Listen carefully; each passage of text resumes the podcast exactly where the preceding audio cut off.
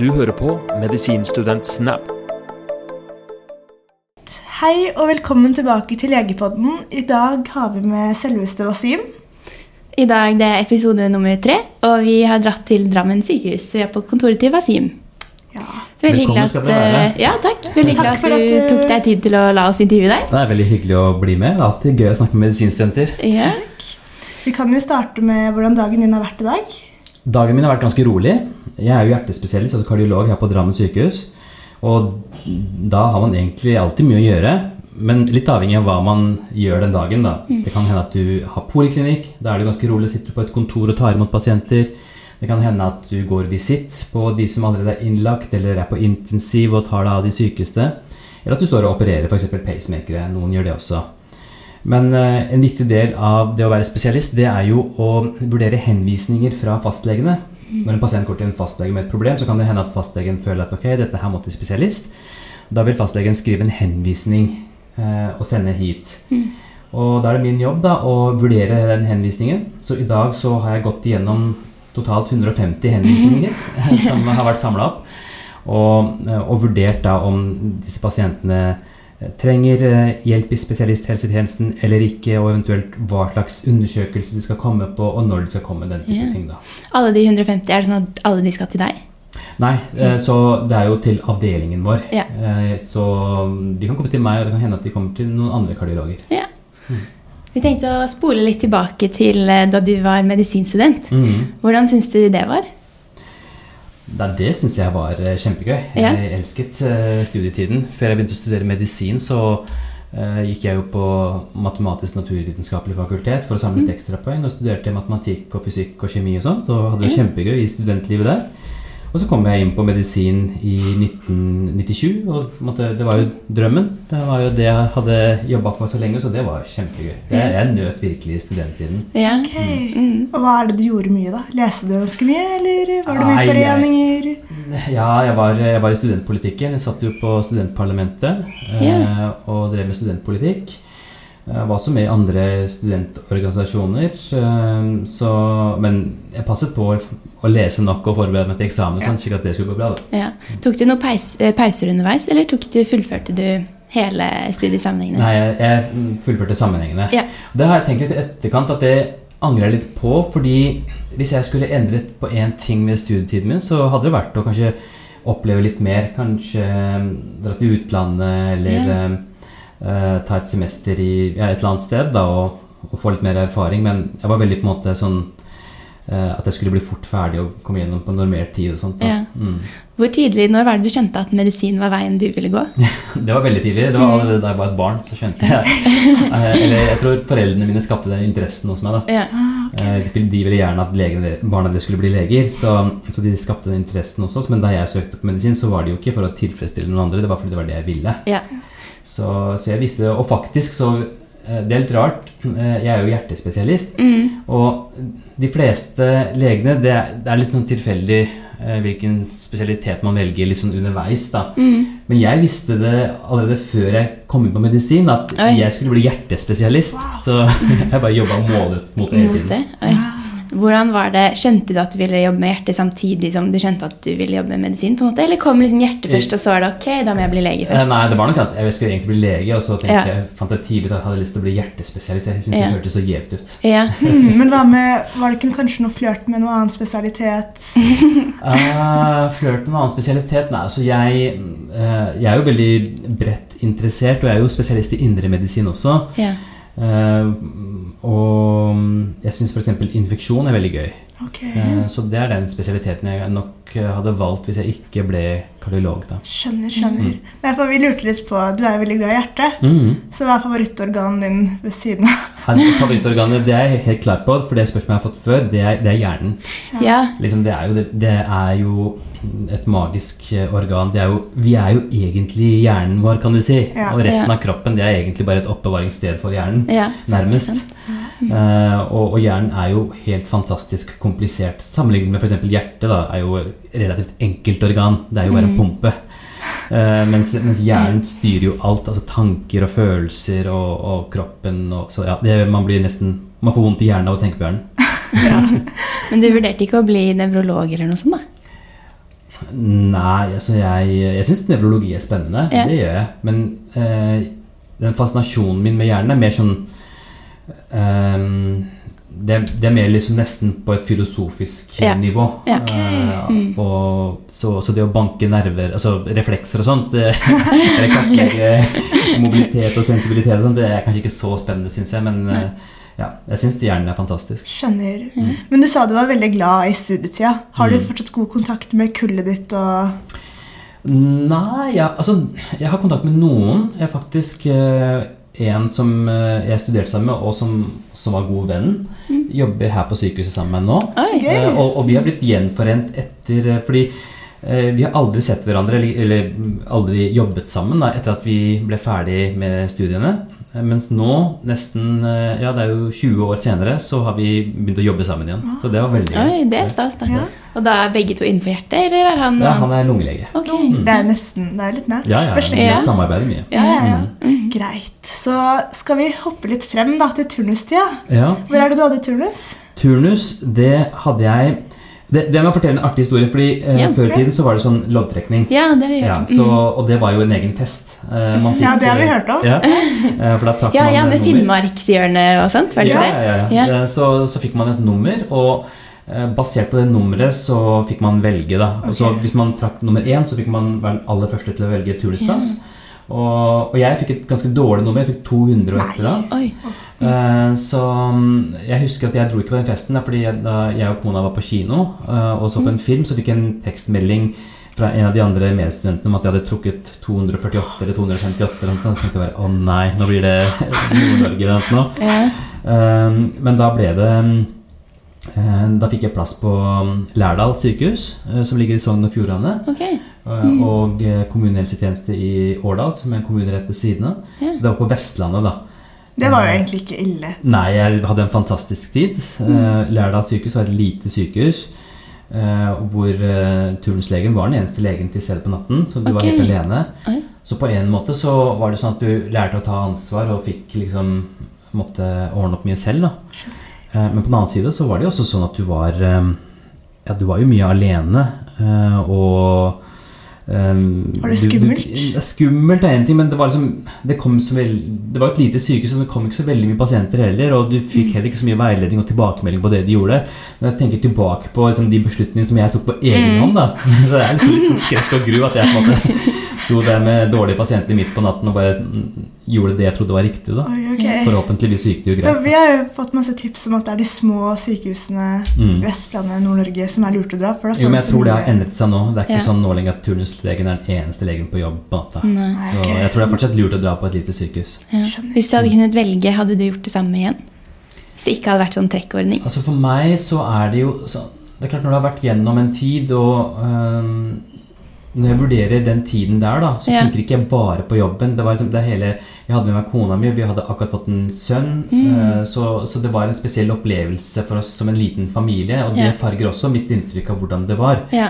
Eh, Så det er jo en tid som ja, jeg er jo, altså Det var en veldig flott tid. Vi hadde mye tid sammen, og vi koste oss mye sammen. Så, så, så det, det har jo også farget synet mitt på hvordan det var å ha turnus i Lærdal. Ja. Ikke bare selve sykehustjenesten. ja. Hvordan var det for familien din å flytte til Jeg tror det var ganske tungt, egentlig. Ja. Fordi eh, eh, Ja, for det første så hadde jo kona mi en, lite, en liten sønn da, som var ganske ung, Ja. så vi måtte jo være hjemme. Mm. Og samtidig så var det jo liksom ikke så mye å finne på i Lærdal heller. Mm. Det var ikke sånn at man kunne trille vogn til et eh, handlesenter eller noe sånt. da. Mm.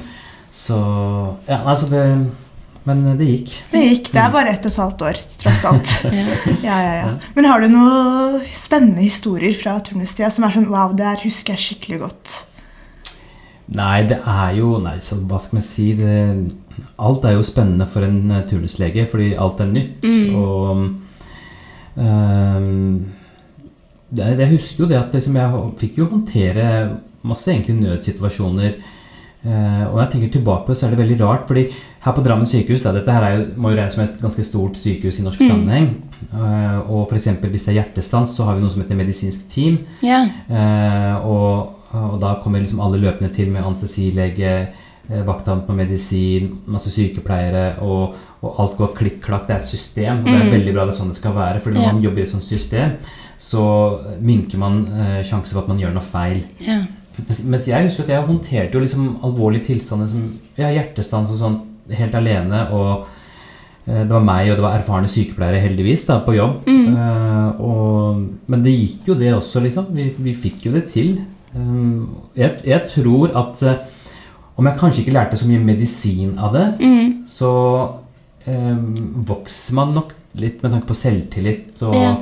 du blir liksom Når du har hatt en vakt, og du har liksom håndtert noe som kjempevanskelig, noe som en hjertestans, da, Mm. så har du en god følelse etterpå. Så selvtilliten bygges jo. Mm. Skjønner, skjønner. Jobbet du under studietiden?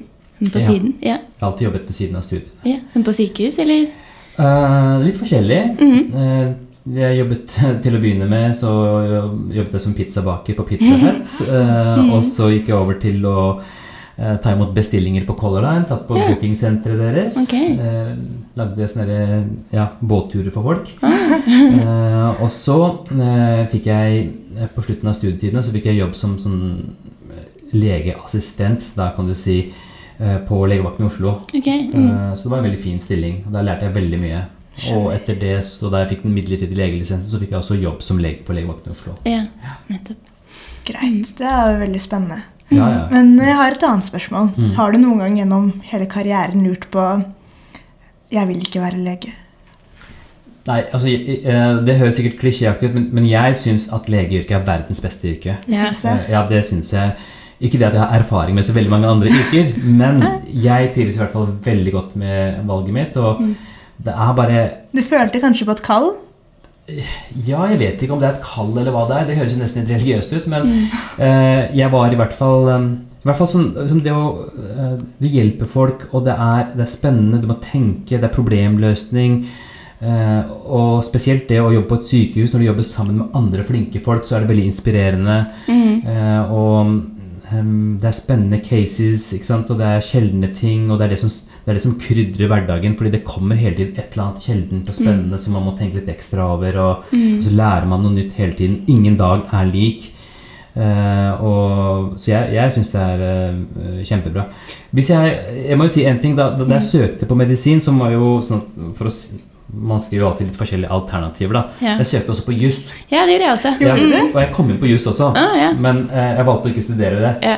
Eh, så jeg, hvis det hadde vært andre ting som hadde påvirket meg, så kan det jo hende at jeg hadde vært med på Advokatpodden i dag. Ja, kanskje. Ja, nei, det, jeg ble faktisk, eller ikke anbefalt, men veldig mange medelever tenkte Hivi, du burde bli advokat. Ja, jeg ble tipset om å være ikke. dommer. Altså, Bare fordi jeg er flink til å argumentere for meg selv, så betyr det ikke at det, det er noe jeg vil jobbe med. Nei. Nei, nei, nei. Og så tror jeg også eh, vi egentlig ikke har en- en fullstendig forståelse av hva advokatyrket innebærer. ja, ja. Det er litt mest basert på suits og sånn. Ja. Ja. Nei, vi har, Da høres det veldig bra ut. nei, vi har faktisk en medstudent som studerer både medisin og juss Ja, litt sånn Nakstad-opplegg. Det var han Espen Nakstad. Jeg vet, ja. ja. Hun sendte en mail til ham. Bare, Ja. jeg studerer medisin og juss samtidig. Han sa sånn Det går ikke. Og Du burde bare, ikke gjøre det. Unnskyld, nå skal jeg i hvert fall fullføre. Å, ja. Ja, ja. Nei. Og det er tøft gjort. Ja, det er veldig tøft. Mm. Men uh, Men, to for én, da? Eller? Ja. Ja, ja, ja. ja. Men eh, var det noen gang du på en måte syntes at du sto litt midt oppi det, og så var du sånn Ok, det her er hvorfor jeg ble lege. Eller sånn hvor, Når føler du på en måte på det der mest sånn Nå gjør jeg det jeg skal gjøre. Syns du det er Det sånn er jo det som var så flott med eh, den studieordningen som jeg var på, det var at eh, vi hadde pasientkontakt helt fra første semester. Ja. Så du fikk liksom gå med hvit frakk og stetoskop liksom fra første året. Ja, og den følelsen Du får jo veldig følelse at oi, dette her er liksom Dette her er legejobb. ja. Vi hadde faktisk det, vi òg. Eller vi Mm. var på fastlegekontoret og hadde på frakk. Mm. Vi kunne ikke bruke stetoskopet, da. Nei. Men Vi det var fikk bruke det på pasienter. Ja, vi fikk Ja. prøve det en gang. Og så var pasientene veldig De hadde veldig mye tillit til oss, selv om vi bare hadde studert et par uker. Ja, ja, Og det var inkludert ja. fadderuka i tillegg. Så. Ja. Og det er jo egentlig veldig eh, veldig- Ja, det er det som er spennende, da. Pasienter de legger jo sine liv og sin helse i våre hender. De har veldig tillit til Ja. oss. Og med det så kommer det også et stort ansvar om, om å forvalte den tilliten. eh, og, og være på en måte den tilliten verdig. Da. Eh, så det, det syns jeg også er spennende. Ja, Skjønner. Men er, det, er du den eneste legen i familien? Nei, Broren min er også lege. Hva slags lege? Eh, han er, eh, han er eh, utdannet kirurg, men så jobber han eh, ja, han, han jobber administrativt nå, da. Ja. Eh, og så har jeg eh, en storesøster som er tannlege, og en yngre søster som også jobber innenfor eh, legemiddelindustrien. Så vi er på en måte innenfor helse alle sammen. Alle da. sammen. Ja. Er barna dine smitta av deg? eller? Nei, barna Nei? mine har ikke noe lyst til å bli lege. Å, nei. Eh, Så nei, kanskje de sier at jeg jobber så mye, jeg vet ikke hva det er, men de er ikke så veldig interessert i medisin. egentlig. Har du litt den legerollen hjemme i familien også? Eller er går du hjem fra jobb? Nei, det er ikke til å unngå. Nei. Eh, du kan jo liksom ikke hvis, hvis Skru det av, på en måte? Ja, du kan ikke skru det av. Nei. Og hvis noen hjemme hos deg er syk, så det er klart du har eh, en foreldermåte å håndtere det på. F.eks. hvis barnet ditt er sykt. Mm. Det, alle foreldre gjør jo det. Mm. Men jeg kan jo ikke la være å tenke som en lege Nei. når jeg har et sykt barn. Mm. Så man skal jo ikke være lege for eh, barna sine eller for familien sin, men du kan heller ikke la være å tenke som en lege. Nei. Det går ikke. Nei. Så det blir jo til, og og også i storfamilien ellers, du får jo telefoner, og folk vil gjerne rådføre seg og Mm. uh, Ja. Så det Jeg husker en um, Det syns jeg var vanskelig, faktisk. Og jeg har alltid hørt på studiet også at det skal man ikke gjøre. Man skal ikke, skal man ikke være lege for faren sin eller moren sin, og sånt, fordi så har jeg tenkt at som, er det noe stress, da? Mm. Men det fikk jeg virkelig eh, smake på um, i forbindelse med da faren min eh, fikk påvist eh, trange kransår på hjertet. da. Okay. Eh, og så var det eh, og, det er jo sånn at Hvis man har trange kransår, så finnes det eh, to forskjellige typer intervensjon da, som man kan gjøre. Det ene er å gå inn og sette inn stent, f.eks., for, eksempel, for å Mhm. åpne opp kransåren. Og, eh, ellers er det sånn at noen pasienter må gjøre en stor hjerteoperasjon, såkalt bypassoperasjon. Yeah. Og så var hans, hans tilfelle var kanskje litt sånn i grenseland, da, hva, man, hva, hva som var faglig sett det anbefalte å gjøre. Mm. Og det er klart, da ville jo han spørre meg Mm. hva, hva syns jeg, jeg som er hjertespesialist. Ja. Og, eh, og da kjente jeg veldig på at liksom, det var veldig vanskelig jeg, Da han spurte meg, så på en side så ville jo på en måte jeg selvfølgelig trøste ham og vise at, eh, at dette her, vi gjør det sånn, pappa, dette er nok det beste for deg. Mm. Uh, men på den annen side så tenkte jeg liksom at hva om jeg gir råd om en behandling, og så går det gærent? Mm. For det kan jo skje, en operasjon. så Man kan jo dø under en hjerteoperasjon. Mm. Eh, For det første så eh, vil jo jeg alltid leve med det at ok, jeg som overbeviste han om å ta den behandlingen. Mm. eh, Og det ville jo ødelagt meg som person, sikkert i Mm. mange år. Mm. Eh, Eller hva slags forhold får du til resten av familien når de får vite at å ja, det var Wasim som sa at han skulle gjøre det. ja. Det var jo Ja. ikke så lurt, kanskje.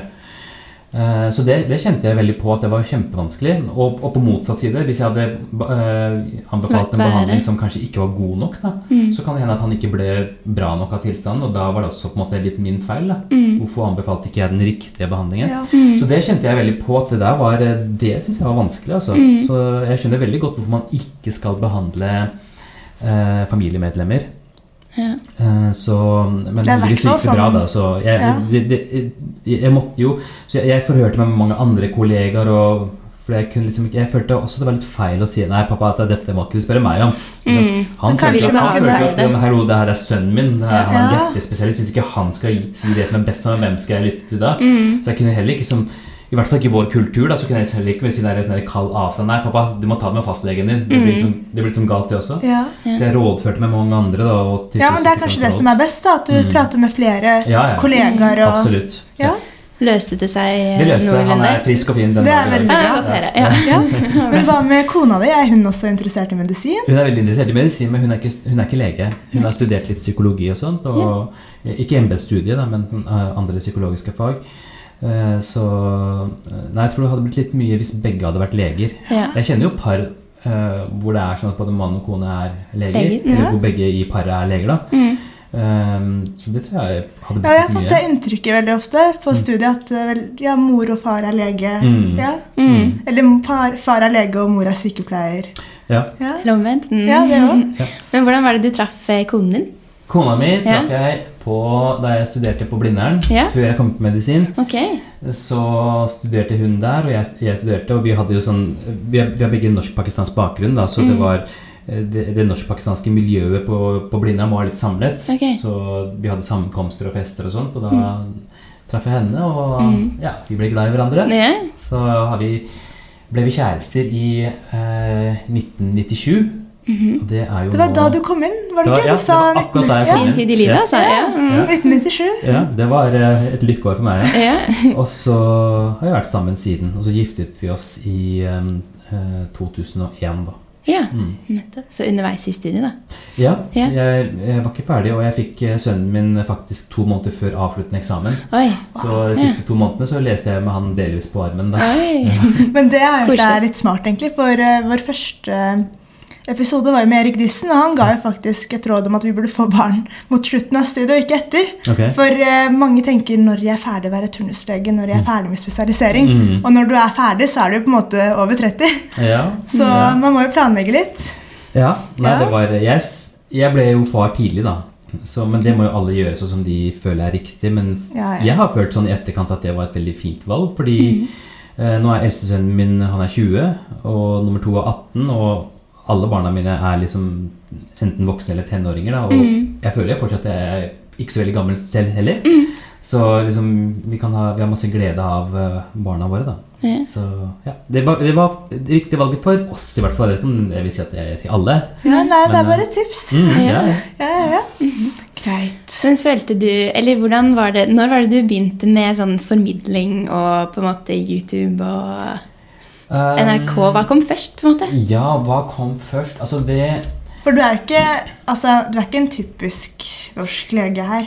Det er på en måte mange Ja, titler. Det er mange jo titler. Vi Ja. visste ikke helt hvordan vi skulle Prisvinnende influenser. Gratulerer med Vixen Awards. Ja, tusen takk. Ja.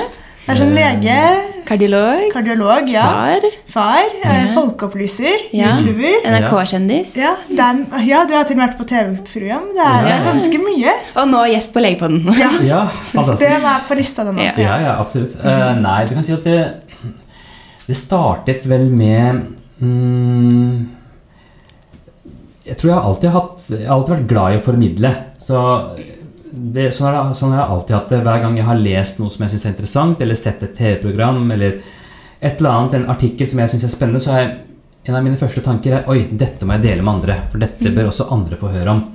Så jeg, jeg har alltid vært glad i å formidle, så det å dele kunnskap og spre kunnskap er noe som på en måte ligger hjertet mitt nært. da.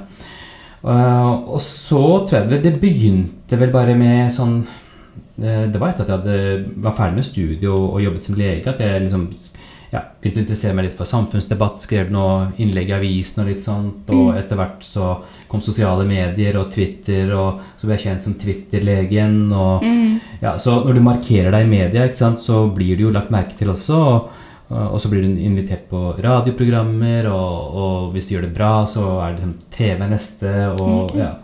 Så det, det har bare på en måte Det bare ballet på seg. Så ble det bare sånn. Hvordan klarer du å få til alt dette samtidig? Noen Nei, tips og triks? Ja, du må ha snill kone. Mm. du må ha Nei, du må ha struktur. Du må være glad i det du driver med. Jeg syns det er gøy, og da oppleves det ikke så, som så mye arbeid. Eh, og foto og, og video sånn som dere ser, det er jo en hobby for meg også. Ja. Så jeg, jeg liker det veldig godt.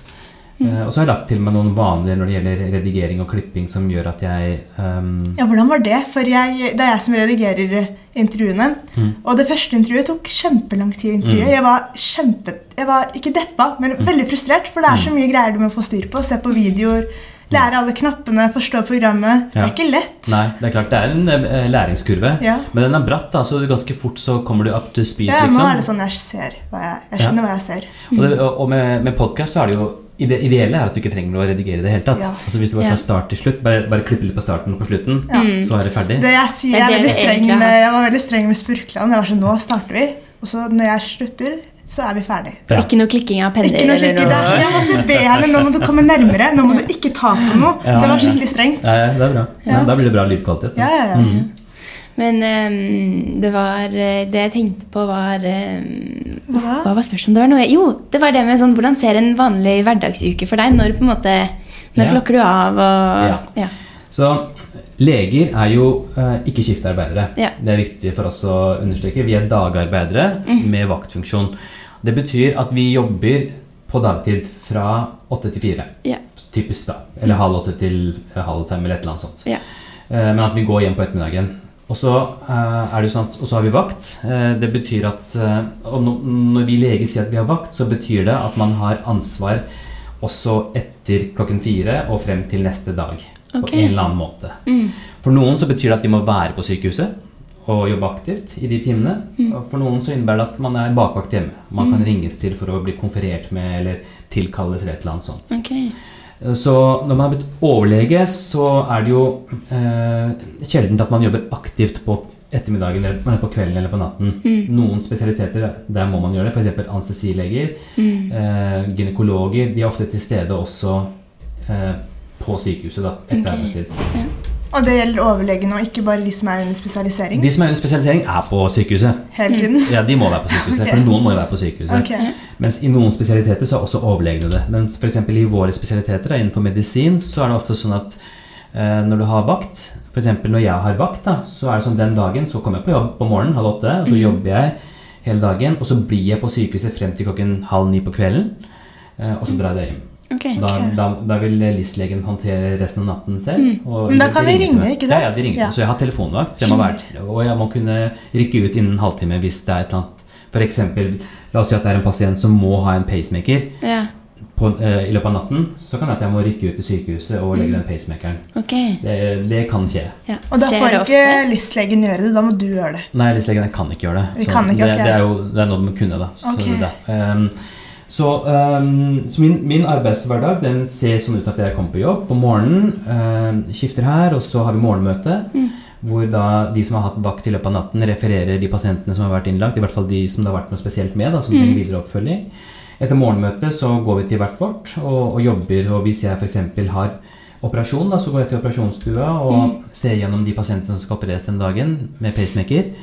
Uh, og, og så gjør vi det utover dagen. Eller hvis jeg f.eks. har poliklinikk, så går jeg til poliklinikken og sitter og gjør ultralyd i hjertet på pasienter utover dagen.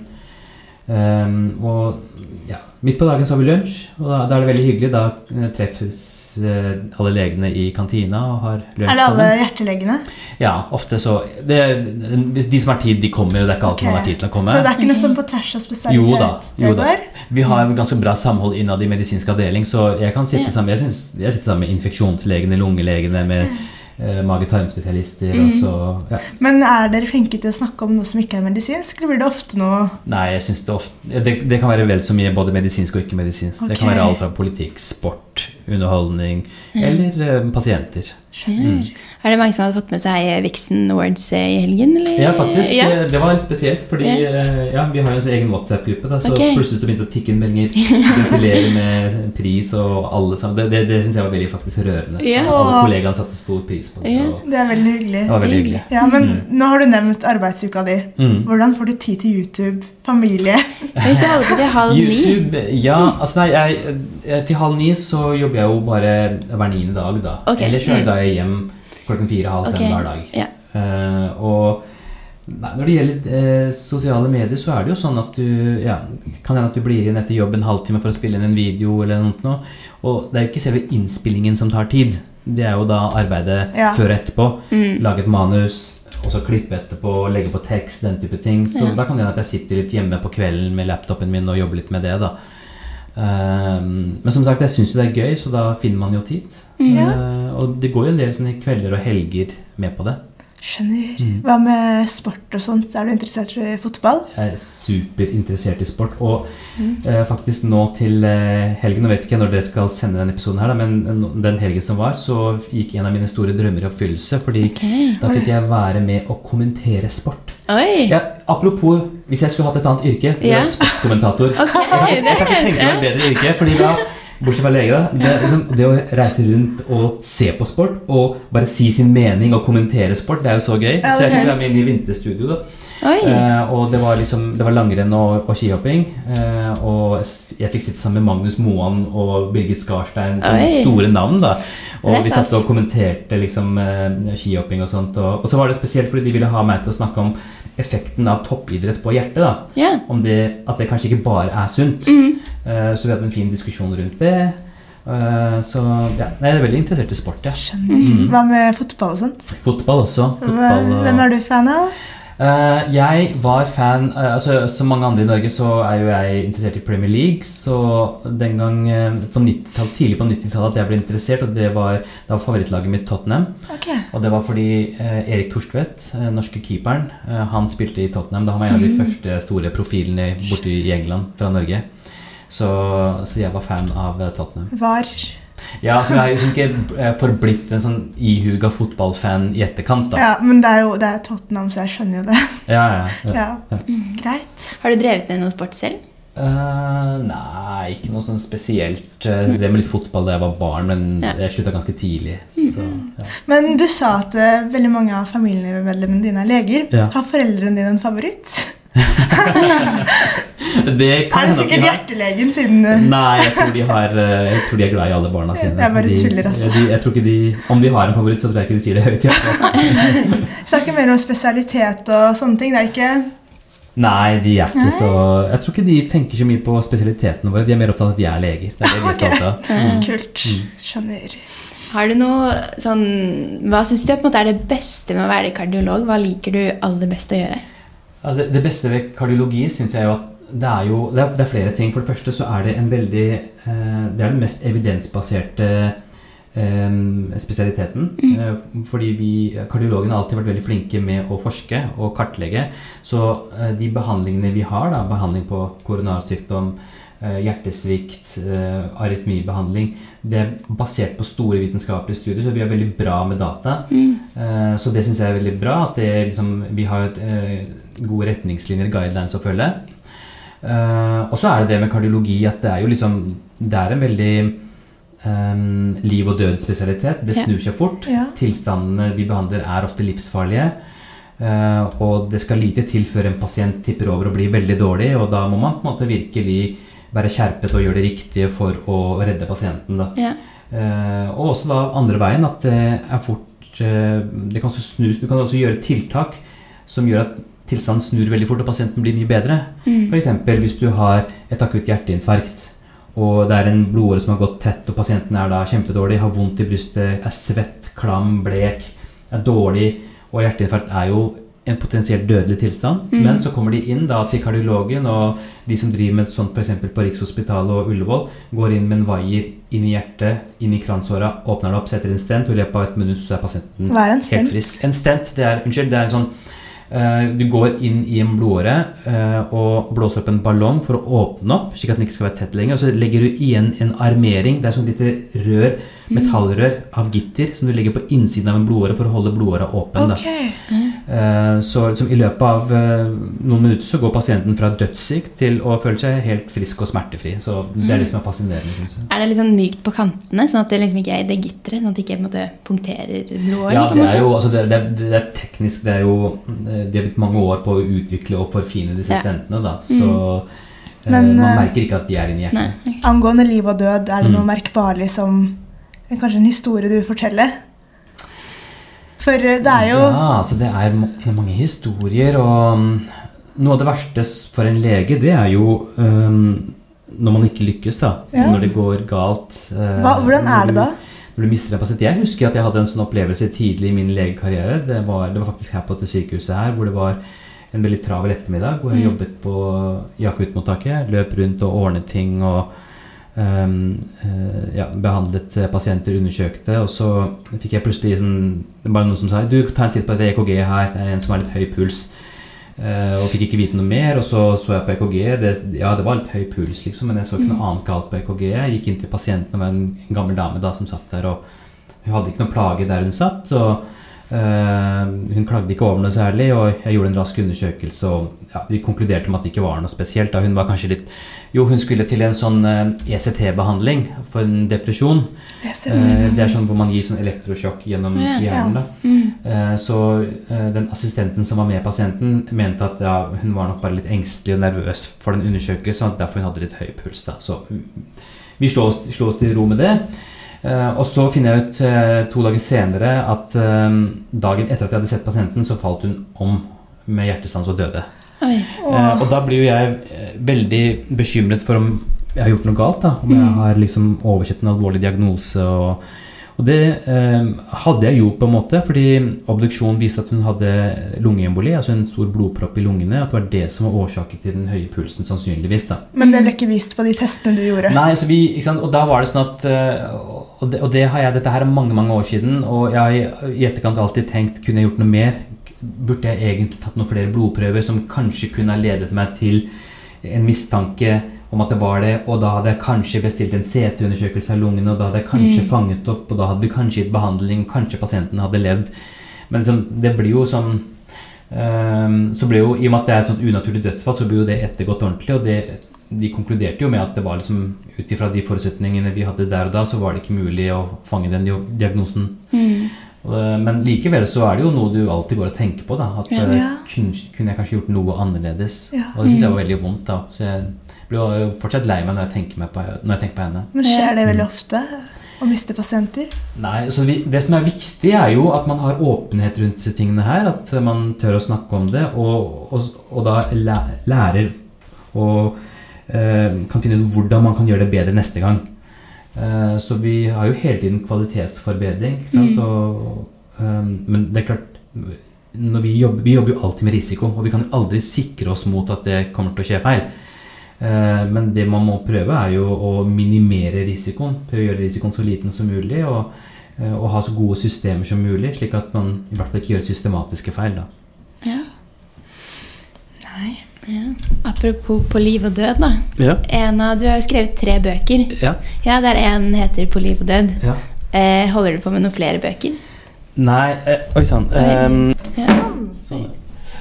um, altså, det å skrive en bok, Ja. det er um, ehm, Det er mye arbeid. Det er egentlig lidelse. Ja. Og eh, du blir ikke noe rik på å skrive bok, med mindre det blir som bestselger, sånn som Jo Nesbø sånn skriver. Så det er veldig mye mer arbeid enn Du det kan være du sånn koforfattermann. Ja, eh, Så, men jeg syns eh, Jeg har fått mye tilbud om å skrive nye bøker, Ja. eh, men foreløpig har jeg ikke gjort det, for jeg syns det er veldig mye arbeid. Ja. Eh, men det kan hende, kanskje, i fremtiden. Men eh, du har jo også en doktorgrad. Kan Ja. du si litt om hva den handler om? Og hvorfor du valgte å ta en doktorgrad? En doktorgrad, ja. Eh, Jeg har en ph.d. Eh, som er innenfor ekkokardiografi, altså ultralyd av hjertet. Eh, og da gjorde vi spesielle studier da, for å se hvordan man kan bruke ultralyd av hjertet for å si noe om prognose og diagnose hos, eh, ved ulike tilstander. da, Kort fortalt. Eh, og grunnen til at jeg valgte å ta en doktorgrad, det var fordi jeg hadde bare lyst til å ta den høyeste utdannelsen som er mulig å ta da, i Norge. Eh, og det er jo en ph.d. Mm. Så, men jeg er veldig glad for at jeg gjorde det. Jeg har hatt mye glede av det. Ja, Du lærer jo å håndtere vitenskap og lese forskningsstudier og hele den ta tenkningen, den vitenskapelige tenkningen får du inn. da. Så, så jeg vil jo anbefale de som tenker på det, at de, det må de gjerne gjøre. Tok du det eh, etter du hadde vært i turnus og etter spesialisering, eller? Ja, Ja. jeg eh, gjorde ferdig eh, Jeg var godt, eh, godt i gang med eh, Det går bra nå. Godt i gang med spesialiseringen av uh, indremedisin. Mm. Og så tok jeg en eh, pause fra spesialiseringen og gikk inn på forskning i 2010 på Rikshospitalet. Og så tok jeg doktorgraden, og etter det så fullførte jeg hjertespesialiseringen. Skjønner. Hvor lang tid tok det å ta den doktorgraden? Eh, nei, altså det tok jo jeg, jeg jobbet heltid i tre år med den, men da var jeg ikke helt ferdig, så men da var midlene jeg gått tom for midler, så da begynte jeg å jobbe igjen med spesialiseringen i hjertet. Og så tok jeg fullførte resten av doktorgraden ved siden av. Skjønner. Mm. Fant du raskt en veileder og sånn, eller var det Ja, fordi jeg søkte opp et prosjekt, okay, så ja. det var liksom ferdig. Mm. Så det var ganske greit. Ja. Men eh, det høres vel ut som at du har på en måte hatt eh, drømmer, og så Mm. har du realisert drømmene, Mm. og det har på en måte levd opp til forventningene dine. Mm. For jeg var litt sånn, jeg ville jo komme inn på medisin, og, Mm. men jeg var veldig redd for å bli skuffa. Ja. Ja, hittil så har jeg ikke blitt skuffa, men har du kanskje følt på noe skuffelse på veien, eller?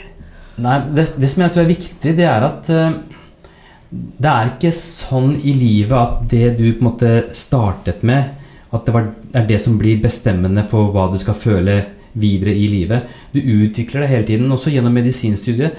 Eh, Man er en litt annen person eh, når man starter, og man er en litt annen person når- idet man er blitt ferdig. Mm. Eh, og forventningene dine de har også endret seg gjennom studietiden, og også opp gjennom legekarrieren din. Så altså, jeg tror det er naturlig at man opplever skuffelser og sånt underveis. eh, og, men det som er med medisin, da, det er jo at for det første så er det så mange veier man kan gå. Mm. Og hvis det er én dør som lukker seg, så åpner det seg flere andre dører.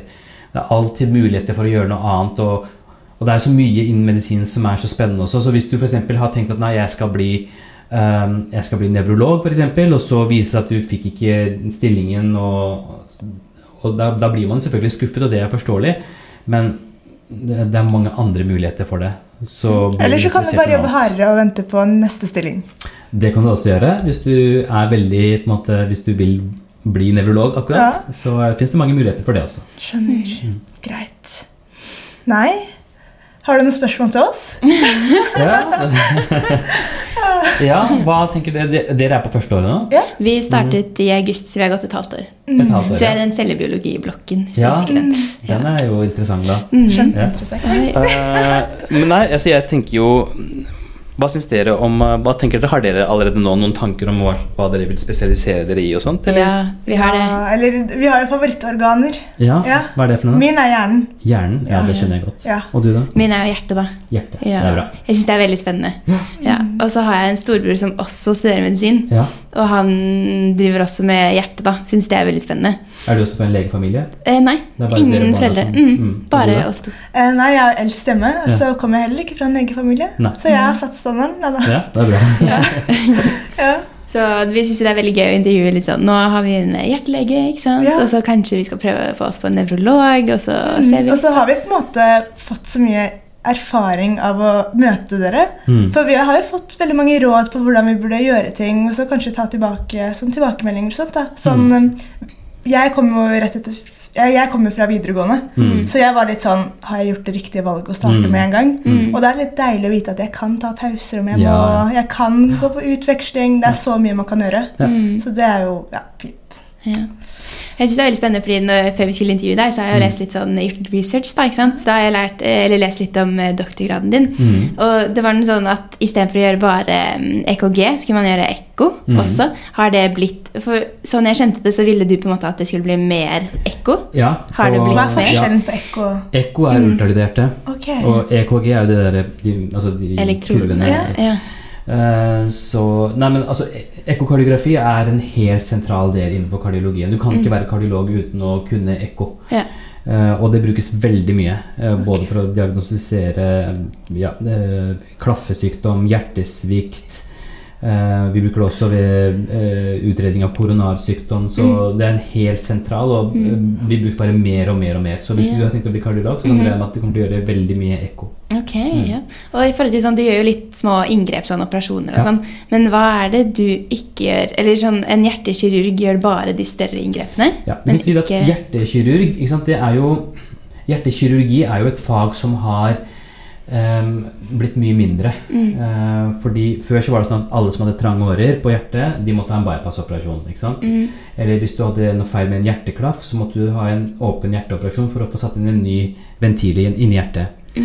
Mens eh, så utover eh, 80-90-tallet så utviklet vi kardiologer stadig nye teknikker for å gjøre det annerledes. da. F.eks. at det snakket om det å sette inn stent. Så har du en trang åre på hjertet, så kan vi gå inn og åpne den opp uten å operere. De Ja. går bare inn via blodårene. Ja. Eh, og vi kan faktisk også sette inn hjerteklaffer eh, inni hjertet uten at eh, pasienten får narkose og pasienten er helt våken mens vi gjør det. Mm. Så det har jo gjort at hjertekirurgene har fått veldig mye mindre å gjøre. Så antall bypass-operasjoner har jo gått kraftig ned. Og eh, fordi det er vi kardiologer som da gjør mange av de tingene som hjertekirurgene gjorde tidligere. Da. Mm. Um, så du kan si det at eh, vi opererer ikke på hjertet, men det gjør heller ikke hjertekirurgene lenger. Nei, nesten. Har du sett- spissen. De gjør det fortsatt. Altså, det er Ja. fortsatt noen som trenger bypass-operasjon, og vi trenger hjertekirurger. Det er mange pasienter hvor vi ikke klarer å, hvor det teknisk ikke er mulig å sette inn en ny hjerteklaff uten å operere. Så Ja. ja, vi trenger selvfølgelig hjertekirurger, men de gjør mye mindre nå. Ja. Men har du sett en sånn åpen hjerteoperasjon? Ja, jeg har vært med på det, ja. Er det Mm. kult? Ja, det er spennende. Altså, det er jo Du åpner opp brystkassa, og du ser at det er bankende hjerte der inne. Men jeg har en vits, eller det er ikke min vits, da, Ja. men jeg har hørt angående EKG. Ja. For dere kardiologer skjønner jo det som står der. Mm. Men en ortoped Gjør det her ofte, eller? Nei, Nei. det er så klart uh, Ortopedene driver jo med mm, Men kan dere det ikke i det hele tatt, eller er det bare en Jo da, det er, De kan det jo litt. sikkert litt EKG, men Ja. det er klart For vi jeg, jeg kan heller ikke ortopedi. Ikke sant? Ok, de, kan, ja, ja. de kan ta samme vitsen om meg. Jeg vet jo ikke hvordan man skal behandle et hoftebrudd. Ja. Men det vet jo de med en eneste gang. Ja. Så, men det er sånn det er. Det er jo sånn spesialisthelsetjenesten er, at man skal bli flinkest på det man driver med. Da. Ja. Mm. Nei, det er bare en vits. Da. Ja, ja. Ut ifra dine erfaringer, har du noe sånn Hvordan er en stereotypisk kardiolog? Øh, jeg tror at altså, Folk har nok sikkert et bilde av hvordan en kardiolog er, men uh, Nei, det har ikke jeg. Okay, Nei, jeg vet ikke. Altså, kardiologer er veldig forskjellige. De, uh, Noen er veldig sånn selvsikre og høylytte og tar mye plass. Andre er stille og rolig og ja, sier ikke så mye, men kan veldig, veldig mye. Okay. Ja, for det er det inntrykket jeg har. Kanskje av kardiologer eller indremedisinere. da, At Ja. de kan veldig mye. Nei, men jeg tror de er, Kardiologer og indremedisinere er like forskjellige som alle andre. tror jeg. Ja. Har dere et sånt eh, Kardiologene liksom i Oslo og Ømming, har dere et sånt Pleier dere å treffes på julebord, eller eh, har dere noe kontakt, på en måte? Nei, vi, altså, vi har jo høstmøte, Ja. eh, og da møtes jo veldig mange av kardiologene fra rundt omkring i landet. Eh, så mm, det er veldig viktig at man holder et kontakt. Eh, og noe av, det, noe av det viktigste vi gjør på sånne møter, er jo å snakke litt med hverandre og høre ja, hvordan løser dere det problemet. Hva gjør dere? Hvordan gjør dere dette? Eh, og sånn gjør vi det. Eh, og sånn får du utveksle litt erfaring og lære litt av hverandre. Da, så det er kjempeviktig. Ja. Er det sånn, Jeg har også hørt at kardiologer går i Er det grønn topp og hvit bukse? Er det greier? Eh, det, eh, det er litt forskjellig. Ja, Angående klær, det må vi faktisk ta Ja, det ta opp, ja. Det Mm. tok vi opp med Herman Egenberg òg. Det Ja. med uniform. Hvorfor er det bare hvit og grønn? Det er nok tradisjon. Men Eh, altså, kan vi få Det er Hvit eh, forbindes jo gjerne med eh, at noe er rent, og, og hvis det ikke er rent, så er det lett å se at det er en flekk, så Ja. da kan man raskt bytte. ja. Eh, det er én ting. Og så og, og så vet jeg ikke hvorfor grønt, men grønt er jo en farge som har vært brukt innenfor operasjonssalen. Da. Ja.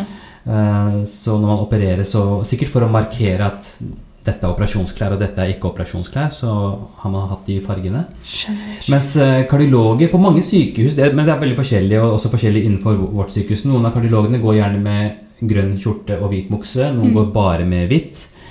Eh, kanskje er det fordi at kardiologi har blitt et fag som er litt sånn imellom medisin og kirurgi. Da, at vi driver litt sånn av begge og, og er mye inn på lab.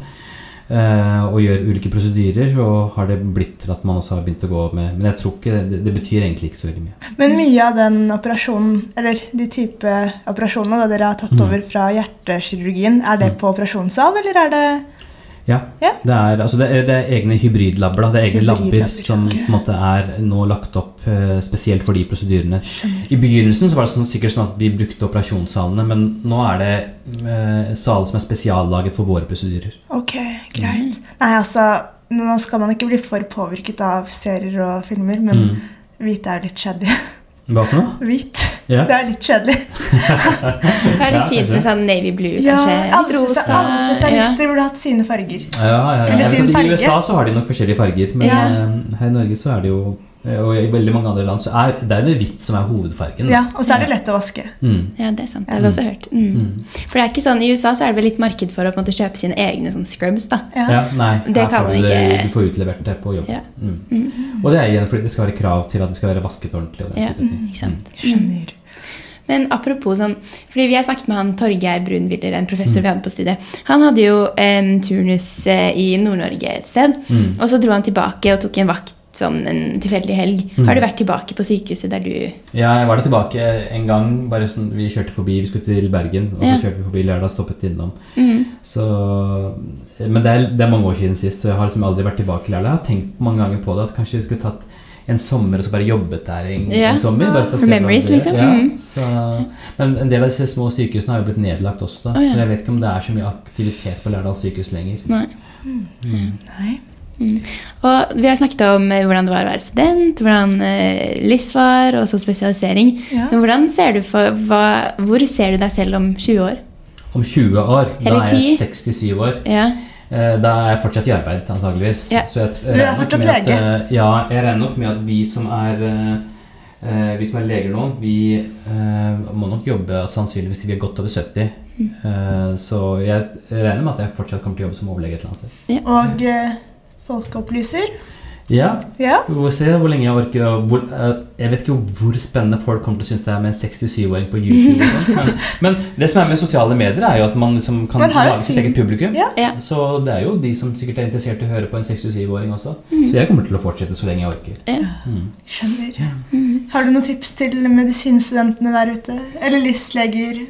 Medisinstudenter og listleger. eh, mitt tips til medisinstudenter er ehm, Jeg tror det er veldig lurt å jobbe sånn jevnt gjennom studiet. Ja. Ikke satse på Gjorde du det? Ja, jeg gjorde nok det, vil jeg si. Ja. Um, fordi det er så enorme mengder med eh, litteratur du skal igjennom, så det nytter ikke å på en måte vente til slutten. Uh, men samtidig så vil jeg også si liksom, nyt studietiden. Uh, vær sammen med medstudenter, finn på ting, gjør sosiale ting. Gjør ting som er en kombinasjon av faglig og sosialt, uh, for å gjøre det mest mulig morsomt.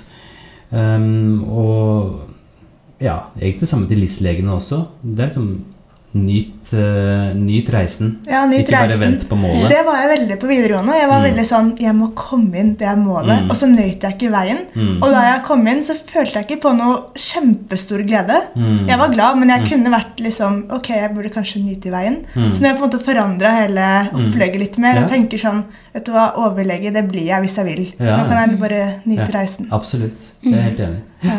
Ja. Greit. Ja, vi har jo litt sånn små markeringer sånn da vi var ferdig med blokk 1. Så vi må ha sånn oppmøtebok. Så vi får Ja. sånn signaturer. Eh, og da var det litt sånn markering at vi var ferdig med å levere den første oppmøteboken, og Ja. den var grønn, var den ikke det? Og nå har vi Mm. blå, og så Ja. kommer Ja, det til de som ikke vet blokken, da, så i hvert fall i Oslo så Ja. deler vi året inn i blokker. Mm. Og i hvert fall første året er delt inn i tre blokker. Mm. Og første blokk den var vi ferdig med i oktober. Mm. Og nå er vi midt i andre blokk, Ja. Mm. og det er jo cellebiologi. Ja. Mm. Så ja, så har vi én blokk til, og det er thorax-anatomi. Ja. Ja. Det, ja. Så det. Så neste år er det anatomi òg, så det blir litt sånn små markeringer på veien. ja, det er bra. Ja, Man trenger det. ja, ja. ja. Var det noen av årene på medisinstudiet du syns var liksom, Tøffest? markerte seg sånn? Eller som de beste? Eller tøffest. Eller tøffest? Ja, altså Jeg, jeg syns helt i starten med, med fysiologi og biokjemi og sånt, det var, jeg Ja. synes jeg var jo en del tørt. Ja. Da hadde det Men, vært eh, så håndfast. Liksom. Angående biokjemi, Ja. husker du krepssyklusen Jeg husker at det er noe som heter krepssyklus. Ja. Eh, jeg husker ikke vidt at det har et eller annet med glukose å gjøre. Og sitron, Ja. eller et eller annet, noe, Er det sitronsyre også? Sitronsyresyklusen Mm. også, Ja, ja. det er krebs. kreps. Det er Det er kreps. Ja. ja. Ja, det visste ikke jeg Nei. før sånn to uker før. Det er Mm. elektrontransportkjeden. Ja, jeg husker disse tingene. Jeg kan jo ikke detaljene i de. Nei. Eh, men, eh, men jeg tror det var nyttig å kunne like for videre forståelsen av Ja. ting. da, Så jeg Ja. tror nok det er lurt. Men jeg syns jo f.eks. Eh, det semesteret hvor vi fikk eh, eh, midlertidig legelisens, det syns Ja. jeg var stas. For da, da fikk du liksom endelig Da kan du jobbe som lege. Ja. Så det var et, et markant kilde da, Mm. eh, i, i min reise. Ja. Skjønner. Nei, for vi, for oss, de to første årene er jo preklinisk. Mm. Og det er jo én eksamen som skiller seg litt ut Mm. de to årene, og det er anatomieksamen. Mm. Husker du den? Jeg husker anatomieksamen. Ja. Ja. Så nei, jeg synes det, det gikk bra, det. Vi hadde sånn stasjonseksamen. Og, ja. Husker du hva du fikk på de ulike? øh, Det er først man får tildelt en sånn tilfeldig kroppsdel. Ja. Ja, sånn makroantomi, er det ikke det man kaller det? ja. Og så jeg får man husker faktisk ikke det lenger. Hva med det snittet du ble tildelt? Jeg husker ikke det. Nei. Dette her er jo nå må jeg Husk at dette her er liksom Det var vel i eh, 98, nesten da? var det ikke år det? siden. Ja. noe, Så et kvart århundre siden. Så jeg jeg har sett på mange Ja. snitt siden det. Det er sant. Mm. Jeg skal Ser på skrive ned snitt nå Hva jeg får, så jeg husker Ja. om dagen, liksom? Nei, det, er her? Ja. Nei, ja, vi gjør ikke det, men hematologer og sånn, de Ja. gjør jo det. Ja. Skjønner. Mm. Nei, det var spennende. Ja. Skal vi si ha det nå? Det bestemmer dere. ja. Jeg vet ikke hvor lenge vi har holdt på. Vi har holdt på i snart én time. Ja. Ja, ok. Ja, Ja, Det var veldig hyggelig å ha dere på besøk. ja Takk for at vi, hyggelig at vi fikk intervjue deg. Ja, det, Vi vet at du er veldig travel, så vi var veldig glad da vi fikk høre at du takka ja. Ja, ja. Ja. Nei, men det var veldig hyggelig å være med, og ja, håper det var nyttig for dere også. Det er veldig nyttig. ja, nyttig. Mm. Lærte mye. Ja. Greit. Ha det bra, og ses neste episode. ja. Ha det bra. Du hører på Medisinstudent Snap.